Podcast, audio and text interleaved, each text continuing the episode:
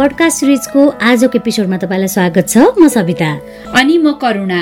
र podcast series Gulabi सम्वादको आज चाहिँ हामी सेकेन्ड सिजनको बत्तीसौँ एपिसोडमा छौँ र यो एपिसोडमा मेरो तर्फबाट पनि तपाईँलाई धेरै धेरै स्वागत छ।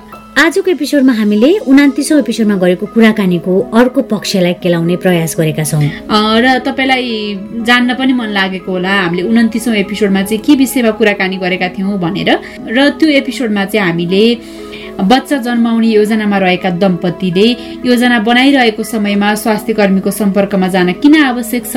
बच्चा जन्माउने कुराको बारेमा परामर्श लिन किन आवश्यक छ? अर्थात् यो प्रिकन्सेप्सन काउन्सिलिङको आवश्यक किन छ? किन गर्नुपर्छ प्रिकन्सेप्सन काउन्सिलिङ भन्ने बारेमा चाहिँ कुराकानी गरेका थियौँ। आजको एपिसोडमा चाहिँ हामीले गर्व रहेको समयमा र बच्चा जन्मिसकेको समयमा महिलाको मेन्टल हेल्थको केयर गर्न किन आवश्यक छ?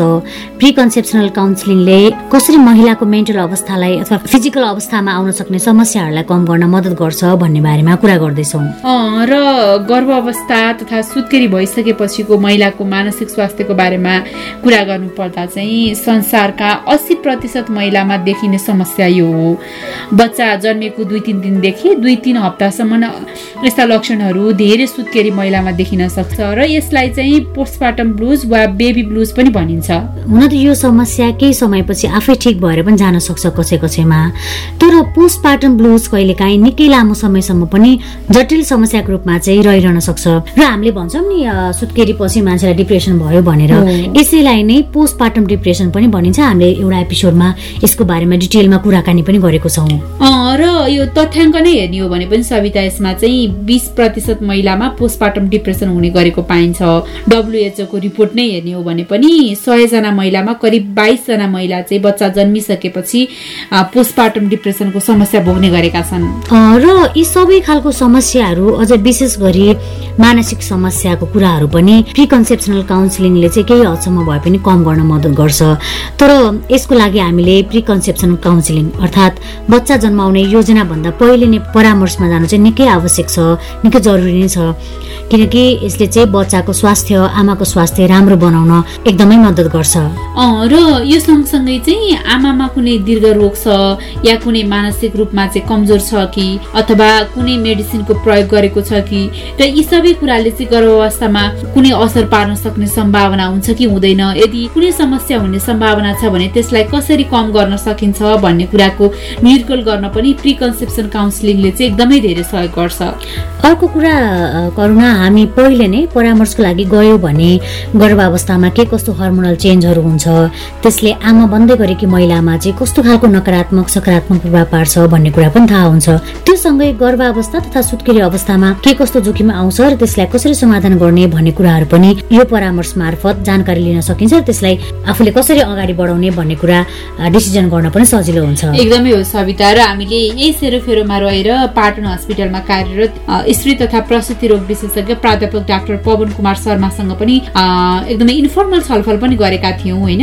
अब चाहिँ एकछिन उहाँसँग सविता र मैले गरेको कुराकानी नै सुन्ने कि त? स्वागत छ यहाँलाई पडकास्ट सिरिज गुलाबीसम्म धन्यवाद। अब अलिकता मेन्टल हेल्थको कुरा गरौँ होइन। गर्भावस्थामा अनि बच्चा जन्मिसकेपछि पनि फिमेलहरूमा विभिन्न किसिमको समस्याहरू देखिरहेको हुन्छ। जस्तो एक्लो फिल गर्ने मलाई कसैले पनि केयर गर्दैन भन्ने खालको फिलिङ्सहरू आएको हुन्छ होइन। यो काउन्सिलिङले चाहिँ यस्तो खालको फिलिङबाट ओभरकम गर्नको लागि एउटा फिमेललाई जो प्रेग्नेन्ट छ अथवा आफ्टर डेलिभरीको टाइम छ उसको कस्तो खालको फाइदा गर्छ? एउटा कुरा त किन हामी डाक्टरहरू बिरामी बिरामी भन्छौँ नि। सो प्रेग्नेन्ट लेडीहरू बिरामी होइनन् नम्बर एक कुरा होइन प्रेग्नेन्ट लेडी भनेको उनीहरू चाहिँ उनीहरूको यो रोग लागेको अवस्था होइन यो प्राकृतिक रूपमा नयाँ खालको शारीरिक अवस्था हो होइन त्यो बेलामा अर्को रोग थपिन सक्थ्यो अर्को अवस्था भयो भनेपछि प्रेग्नेन्सी उसको चाहिँ महिलाको हर्मोनको चेन्जेसहरू आउने बेला भयो होइन? चेन्जेसहरू आउने बेला भयो चाहिँ प्रि प्रेग्नेन्सीमा खालको एउटा खालको हर्मोनको स्ट्याटस थियो भने प्रेग्नेन्सीमा डिफ्रेन्ट हर्मोनले प्ले गरेको हुन्छ। उसको मेन्टल स्टेटमा पनि असर गर्न सक्छ। जस्तो पहिलो तिन चार महिना चाहिँ उसलाई वाकट लाग्ने खान मन नलाग्ने बान्ता हुने त्यसले गर्दा चाहिँ त्यो उसलाई अनिजी फिल हुने त्यसले गर्दा स्याड मोड डिप्रेस के भएको यो बच्चा पाउन ज्वाइँ म त खुसी लाग्नुपर्ने बेला मलाई यो के शास्ति भइरहेको छ यो सबै कुराहरू आउन सक्छ।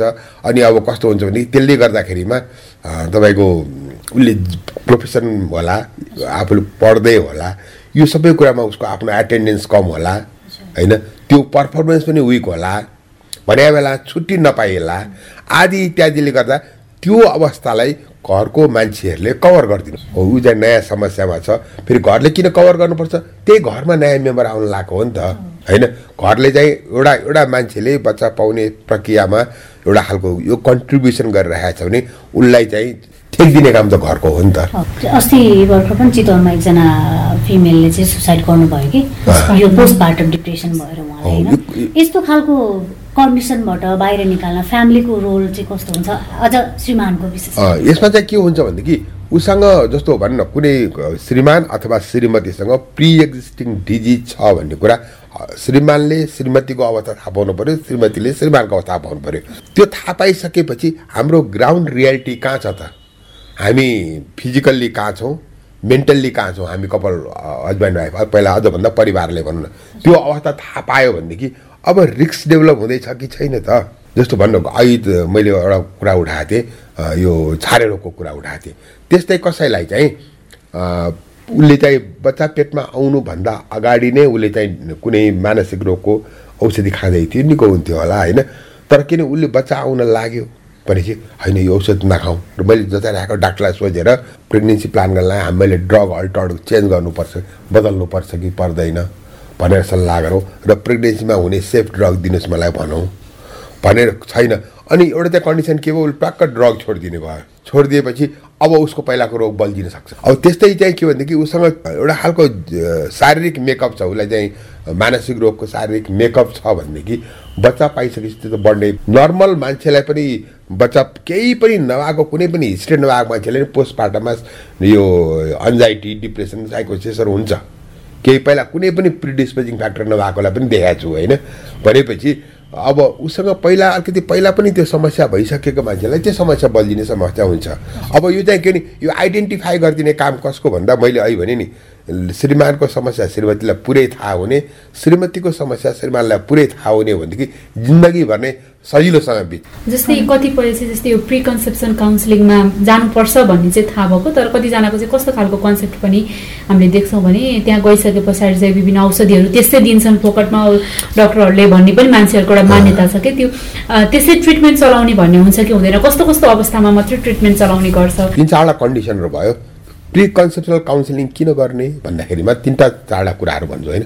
एउटा त उसँग के भनेदेखि टाइमिङको कुरा गरेँ मैले। टाइमिङ भनेको तपाईँको आफ्नो घर परिवार आफ्नो जागिर पेसा सबै मिलाएर म यो टाइममा बच्चा पाउन सक्छु।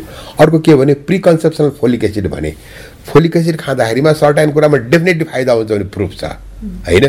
भनेपछि दुई महिना त हामीले फोलिक एसिड दिने भयो। अर्को उनीहरूको परिवारमा जेनेटिक समस्याहरू छन् कि छैनन्? क्रोमोजोमल जेनेटिक प्रब्लम भएका बच्चाहरू पाउने सम्भावना छ कि छैन? नजिकको रिलेटिभली जस्तै घरिघरि बच्चा खेर गएको एबनर्मल बच्चा पाएको होइन? यो समस्या छ कि छैन? त्यो आइडेन्टिफिकेसन हुने भयो। अर्को चाहिँ के भनेदेखि त्यो गर्भवती हुन लागेको महिलामा दमको रोग छ कि ब्लड प्रेसर पहिल्यै छ कि बुढी जाँपर डायबिटिज अहिले डायबिटिज एकदम बढिरहेको छ काठमाडौँमा किनभने मान्छेको लाइफ सिडेन्टरी हुन थाल्यो डायबिटिज बढ्दैछ होइन ब्लड प्रेसर बढ्दैछ।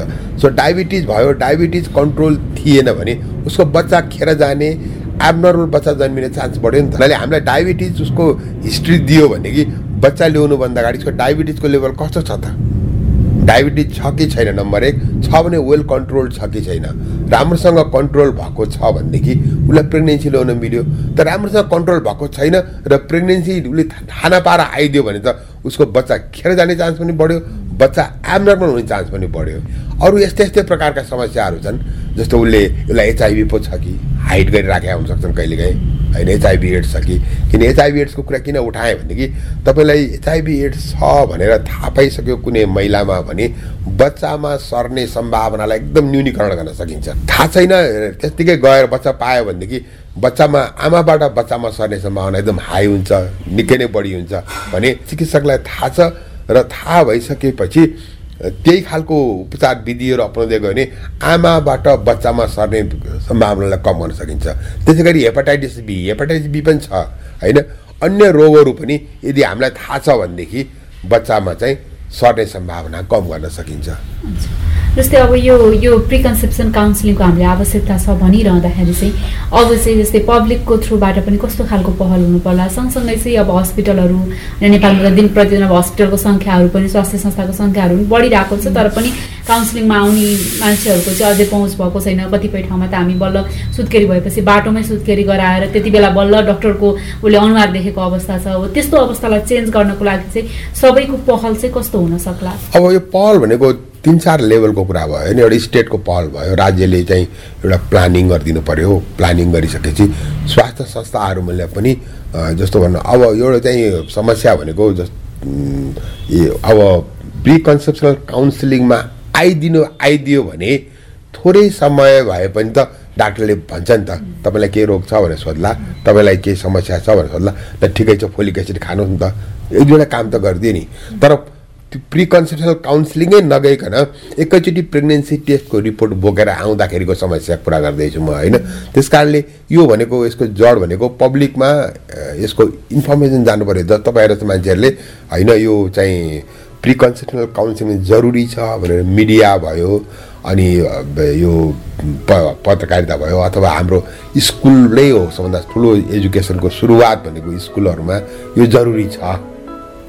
कन्ट्रासेप्सनको यति कुरा सिकाइरहँदा प्रिकन्सेप्सनल काउन्सिलिङको कुरा पनि सिकाउनु पर्छ कि छलफलका लागि डाक्टर पवन कुमार शर्मालाई धेरै धेरै धन्यवाद। प्री कन्सेप्सनल काउन्सिलिङले दम्पतिको जीवनमा एकदमै ठुलो महत्व राख्ने भए तापनि अझै पनि औलामा गर्न सक्ने मानिस मात्रै सन्तानको योजना बनाउनु अघि बनाउँदै गर्दा हस्पिटल आउने र परामर्श लिने गरेको कुरा चाहिँ डाक्टर पवन शर्माले भन्नुभयो।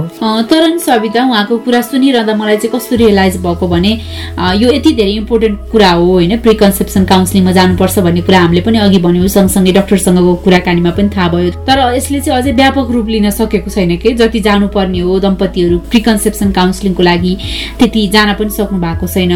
र यसलाई हामीले व्यवस्थित गर्नको लागि चाहिँ मेरो विचारमा प्रिकन्सेप्सन परामर्शको आवश्यकता र त्यसले चाहिँ आमा र बच्चाको स्वास्थ्यमा कस्तो खालको प्रभाव पार्छ र प्रभाव पनि सकारात्मक प्रभाव चाहिँ कस्तो पार्छ भनेर जानकारी दिनको लागि सरकारले स्वास्थ्य कर्मीले होइन अनि स्वास्थ्य संस्थाले मात्रै नभइकन कि अब मिडियाको तर्फबाट हुनसक्छ अथवा आम नागरिकको तर्फबाट हुन्छ हुनसक्छ। सबैले चाहिँ यसको बारेमा चाहिँ जानकारी एकअर्कालाई थाहा भएको कुराहरू सेयर गर्ने यसको आवश्यकताको बारेमा बुझाउने हो भने चाहिँ यसको यो व्यापकता पनि बढ्दै जान्छ र यसको आवश्यकता पनि धेरैलाई महसुस हुने थियो। किनकि यो तिमीले अथवा मैले मात्रै गरेर हुने कुरा पनि होइन। हामी सबैजना एकअर्कासँग हातेमालो गरेर अगाडि बढ्यौँ भने पक्कै पनि यसको महत्व र आवश्यकताको बारेमा बुझाउन सकिन्छ। र गर्भावस्था तथा सुत्केरी भइसकेपछि आमा र बच्चालाई हुन सक्ने सम्भावित जोखिमबाट पनि बचाउन सकिन्छ। एकदमै ठिक हो सविता र आफ्नो परिवारमा रहेका गर्भवती तथा सुत्केरी महिला सदस्यको शारीरिक स्वास्थ्य त छँदै नै छ। सँगसँगै चाहिँ उनीहरूको मानसिक स्वास्थ्यमा पनि ध्यान दिने उनीहरूको मानसिक स्वास्थ्यको बारेमा चासो राख्ने चाहिँ हामी सबैको कर्तव्य पनि हो। त्यो भएर यसलाई चाहिँ एउटा कर्तव्यको रूपमा लिँदै त्यस्ता कुरामा चाहिँ हामीले चासो राख्न आवश्यक छ। सँगसँगै स्वास्थ्य कर्मीले सुझाएका मेडिसिनहरू हुनसक्छ अथवा विभिन्न उपायहरू हुनसक्छ नियमित चेक जाँच हुनसक्छ। ती कुराहरू चाहिँ भएको छ कि छैन पौष्टिक तत्त्व खाएको छ कि छैन कुनै कुराले उदासीनता पो छाएको छ कि अथवा मुड स्विङ भइरहेको छ कि एन्जाइटी भइराखेको छ कि एकदमै रिस उठ्छ कि त्यस्ता कुराहरूमा पनि ध्यान दिन चाहिँ एकदमै आवश्यक हुन्छ। र सबैभन्दा महत्त्वपूर्ण कुरा चाहिँ गर्भावस्था र सुत्केरी अवस्थामा पनि त्यो महिलाले कुन बेला कस्तो खालको साथ खोजेको छ परिवारको होइन? कस्तो खालको अपेक्षा राखेको छ त्यसमा चाहिँ ख्याल गर्नुहोला ताकि कुनै दुर्घटना नहोस् भन्दै आजको लागि गुलाबी संवादको सेकेन्ड सिजनको बत्तीसौँ एपिसोडमा हामीले गरेको छलफल तपाईँलाई कस्तो लाग्यो? आफूलाई लागेको कुरा हामीलाई भन्न नभुल्नुहोला। र आफ्नो कुरा हामीसँग सेयर गर्नको लागि हाम्रो इमेल रहेको छ Gulabi Sambad at gmail dot com G U L A B I S A M B A D Gulabi Sambad at gmail dot कममा हामीलाई इमेल गर्न सक्नुहुनेछ।